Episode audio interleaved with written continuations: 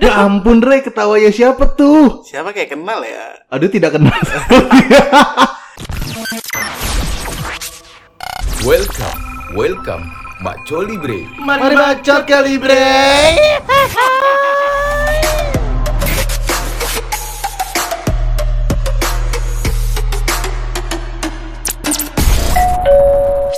guys, welcome back to Macho Libre. Mari bacot kali bre. Motor siapa sih anjing? Buset, RX King tuh. Kayaknya tuh. Oke guys, jadi di Ha. episode kali ini kita tanpa Nabil, Ha-ha, karena kita lagi di Milan.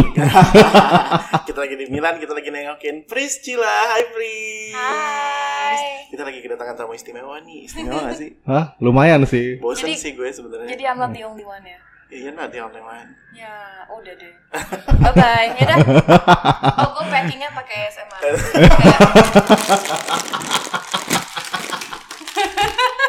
Oke guys, jadi kalau buat kalian yang bertanya-tanya siapa sih Priscilla ini? Priscilla ini adalah one of our friends, one of our good friends. Dia ini dulu bekerja sebagai fashion designer, salah satu fashion designer di salah satu brand. Yang gede banget. Gede banget, kalian Parah. pasti tahu brandnya itu apa. Mau disebutin gak sih brandnya? Ih, sebutin aja gede usah banget. usah. Nggak usah nggak usah. Pokoknya salah Nggak satu designer di, di salah satu big brand di Indonesia. Kalian pasti tahu brandnya apa. And Oh. then she leave us. Dia ninggalin kita Hmm. untuk Laki-laki lain. Bukan. Eits, eits. Jangan gitu dong. Dia meninggalkan kita untuk melanjutkan studinya di Milan, Milan. Italia. Iya. Boleh nggak sih diceritain uh, Pres pengalaman uh, belajar di luar negeri kayak I don't know what what's the experience that you got there. Tapi kenapa Milan dulu kali ya? Mbak. Iya. Kenapa Milan? Kenapa nggak UI gitu? Kenapa Milan? Sebenarnya kalau gue mau jujur, Ha-ha. gara-gara gue visa gue ditolak dua kali ke US, gue makanya ke Milan, Oh. Jadi tujuan utamanya tadinya adalah New York. New York. Oke, tapi visa ditolak dua kali. Nah, tuh. Terus terus. Terus habis itu kayak ya udahlah, gue ngerasa gue udah resign nih sekarang dan gue ngerasa gue nggak mungkin nggak kerja dan gue nggak mungkin nggak ngapa-ngapain. Hmm. Itu gue udah ada gap setahun kan. Em, udah gitu, gue lupa. Boleh nggak yang ini diedit? Iya. Terus uh, ya udah akhirnya gue nyari-nyari lah kayak um, a few options out there. Kayak pastilah kalau misalnya four biggest city of fashion kan pasti New York, Paris, New, um, New York lagi, London. London, sama Milan One of kan. them ya.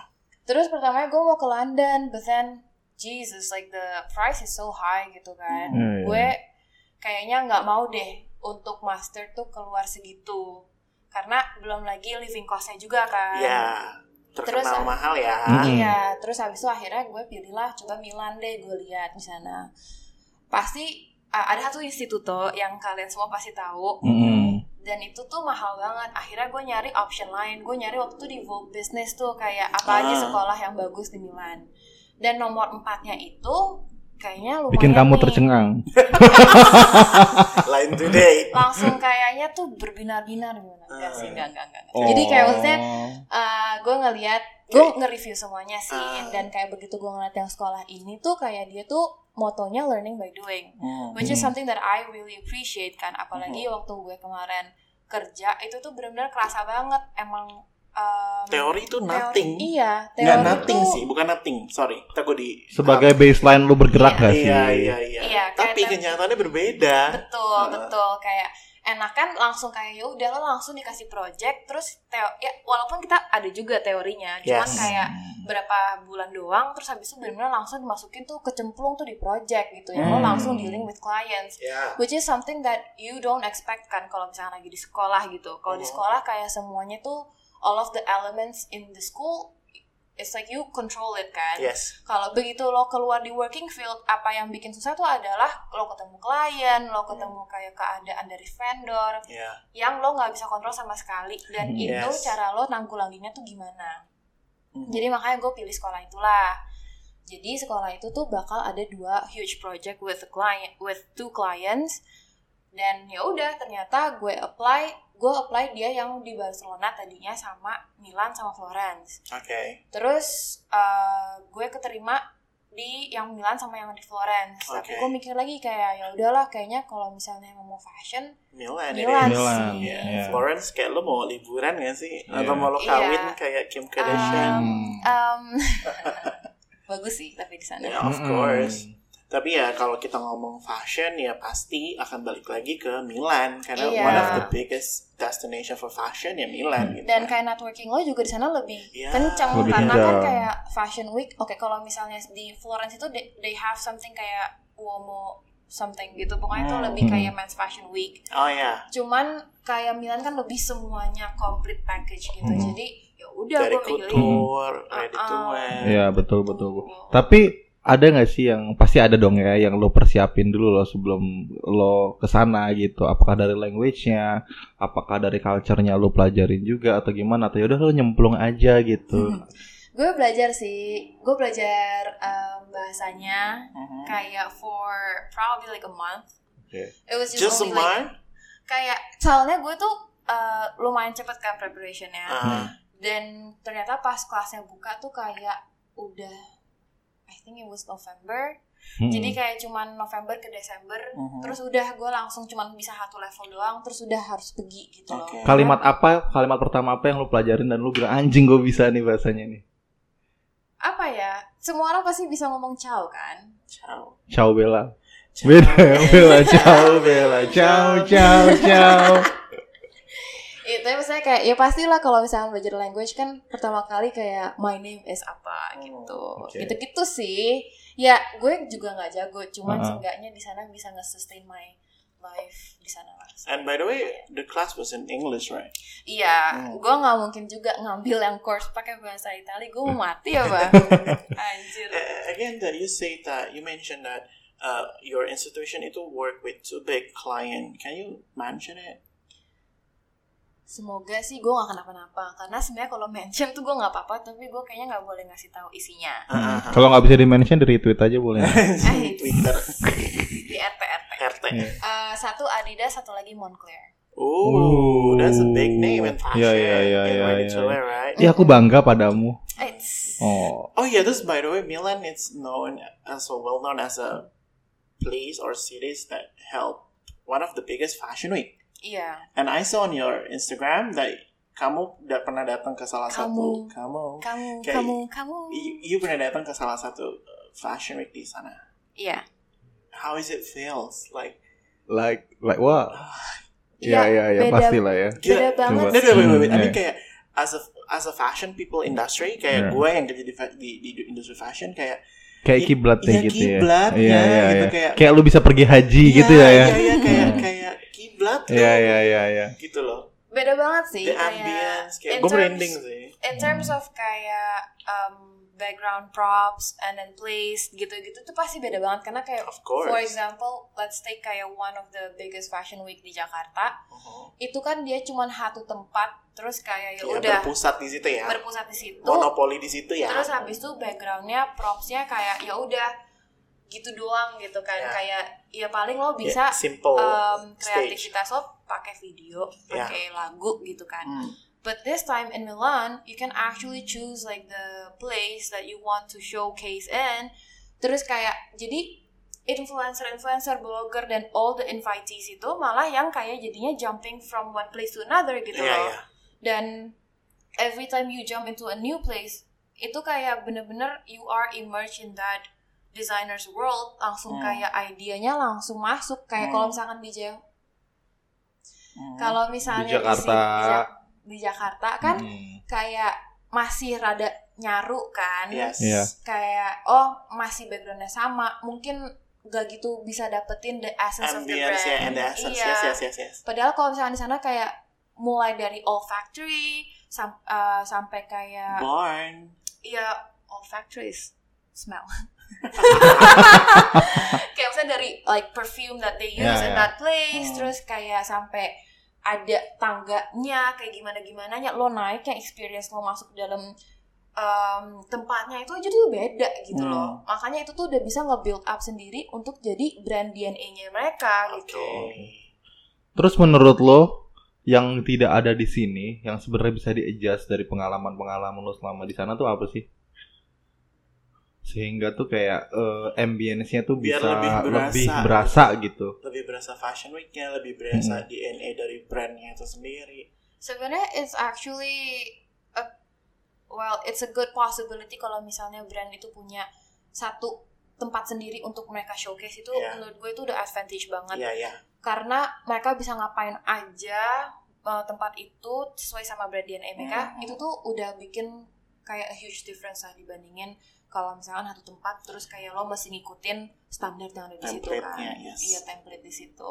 But, but lately I think kayak udah banyak sih uh, Indonesian designer or Indonesian brand yang udah mulai banyak banget. udah mulai menyelenggar menyelenggarakan udah mulai menyelenggarakan fashion show-nya sendiri. Iya. ya kan? Kayak show tunggal sendiri dan mereka udah mulai tuh merhatiin ambience-nya gimana, stage-nya gimana. I think kayak every designer must have been dari awal emang pasti punya kayak the idea of the ambience Yes, and yes, everything yes, tapi karena emang nggak ada source-nya Mhm. jadi mereka emang susah tapi sekarang because of coronavirus juga they have um, fashion week through video gitu kan mereka Digital. bisa digital vid- uh, fashion week mereka bisa kayak nge-edit itu sendiri mereka bisa milih backgroundnya di mana Hmm. which is something that is actually kayak silver lining dari coronavirus ini menurut gue. Iya, iya, iya. karena lo coba deh kayak ngeliat fashion Ada show fashion show. advantage-nya iya ya. jadi kayak sekarang lebih kerasa oh ini tuh brand ini ini brand ini gitu loh. Lo lebih kerasa bedanya gitu. Gelek gelek gelek gelek ngomong nggak mau AS- ASMR bro. oh enggak SMR lagi. Gue Oh. setiap kali mau minum harus saya SMR dulu Enggak, enggak enggak. kayak Oh, gitu kan tadi kalau kita ngomongin uh, virtual fashion show, iya. Uh, the things that I mention tuh maksudnya kayak kita tahu lah ada beberapa desainer kayak Sabto, Ya. Sebastian Gunawan, Bian yang Ah. emang mereka udah menyelenggarakan fashion show sendiri, fashion show tunggal dengan berbagai macam dekor dekorasi dengan berbagai macam elemen yang menurut gue tuh udah keren banget Iya. gitu dan Hmm. ini tuh udah suatu kemajuan buat dunia fashion Indonesia. Ya I know the Hmm. cost the cost pasti nggak murah higher, ya, gitu iya. Costnya pasti nggak murah tapi at least udah mulai udah mulai banyak yang Iya. Hmm. yang yang menunjukkan taringnya gitu loh mau kasih tahu oke ini DNA brand kita tuh seperti ini. Mm-mm.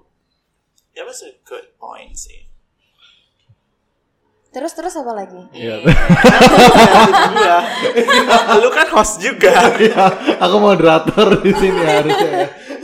Nah itu kan itu. Nah terus tadi kan kita ngomongin kalau ambience fashion week di sana. Nah kalau misalnya di di sana tuh lo adaptasi sama lingkungan barunya tuh susah nggak sih Pris? I mean kayak kita kan berarti jadi minoritas kan di sana. Iya, Kayak parah. pasti sedikit banget. Kayak Asian aja tuh di sana pasti udah minority. Iya. Terus when it comes to Indonesian, kayak itu Iya. pasti lebih minority lagi let kan. me kayak uh, kasih facts-nya ya Eh, di sekolah gue di angkatan gue nggak nggak usah di angkatan oke di angkatan gue yang ambil masters I'm the only Indonesian terus di kelas gue itu out of 28 people only 5 yang Asian only five. ya two Wow. Chinese two Indian and one Indonesia, oke. Yep.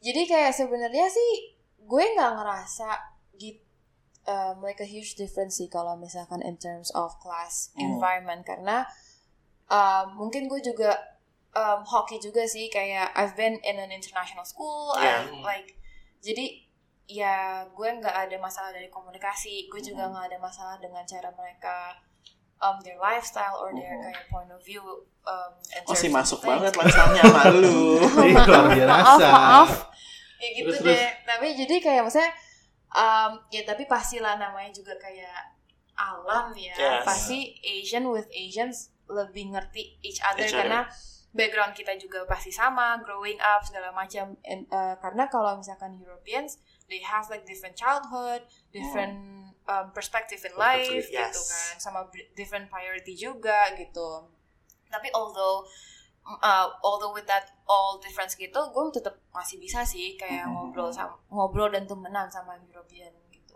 Masih oke lah ya. masih oke Berarti mereka emang ya zaman sekarang kayak orang open minded gak sih? Kayak Iya. dasarnya lo dari mana pasti ya udah as long as Iya. dunia asik. Apalagi kayak in terms of like this digital world kayak Yes. everyone is already connected through the Each internet iya. kan Connecting people. I, oh Nokia. Nokia, Ting ting ting ting.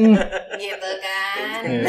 Kalau cut beda dong wah. oh itu kan itu kan yang apa Tangan sih tangan kan? sama tangan Iya. yang jari sama jari terus tut gitu kan kayak IT Lupa. parah banget loh semua parah banget Nah terus uh, another interesting fact adalah lo mengalami this fucking coronavirus di Iya. salah satu negara yang paling parah paling parah parah. di dunia, dan Iya. which is Italy. early Dan iya, Iya. really early. Kayaknya pas di zaman ketika di Italia lagi parah-parahnya, Indonesia masih denial. Iya iya iya. Iya. Indonesia masih Masih denial kita harus yang berjemur kan. No, no. Oh, belum bahkan- sampai ya? bahkan Bahkan kalian masih belum menganggap bahwa Iya. corona tuh di Indonesia nggak Iya. ada. Iya Oh yang nggak bisa ke, ke negara tropis itu Iya, ya? masih Iya, iya. denial kayak oh nggak ada di Indonesia nggak ada gue corona. tuh nyampe di Milan tuh kan Desember and then I start 2019. uh, 2019 and then I start my classes in J- January itu abis itu gue cuman sebulan abis itu udah gue nggak dapet lagi kelas I even had like a week off karena they're trying to ini kan adapt to the situation kayak Iya, iya. oh kita mesti gimana nih karena Iya. tiba-tiba satu malam ada satu orang yang kena and then the patient zero tuh nggak tahu siapa tiba-tiba udah langsung 2000 Oh shoot. Hmm. tiba-tiba 200 2000 tiba-tiba kayak langsung banyak banget kayak lompat lompat lompat Hmm. dan it happened di um, provinsi yang utara which is Milan tuh di utara kan Mm-mm, dan deket sebelahan ya, banget nih ha. kayak ya kayak Jakarta Bekasi Bandung. gitu eh, Bekasi? Bandung Bandung lah Bandung Oh, lah Oke oke. kayak nggak sedekat Bekasi lah ya kayak Jakarta Bandung gitu jadi kayak my school closed down all of like Milan closed down and we Hmm. went into like kayak a gray area di mana kita nggak tahu kita bakal lockdown atau enggak Iya, iya, sebenarnya iya.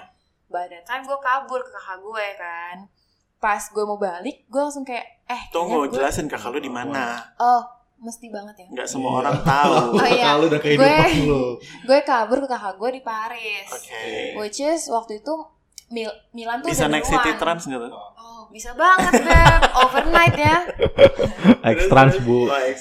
Uh, abis itu gue uh, waktu mau pulang gue kayak kayaknya gue mesti pulang sekarang deh. Soalnya kayaknya Paris juga udah mulai mau lockdown Oke.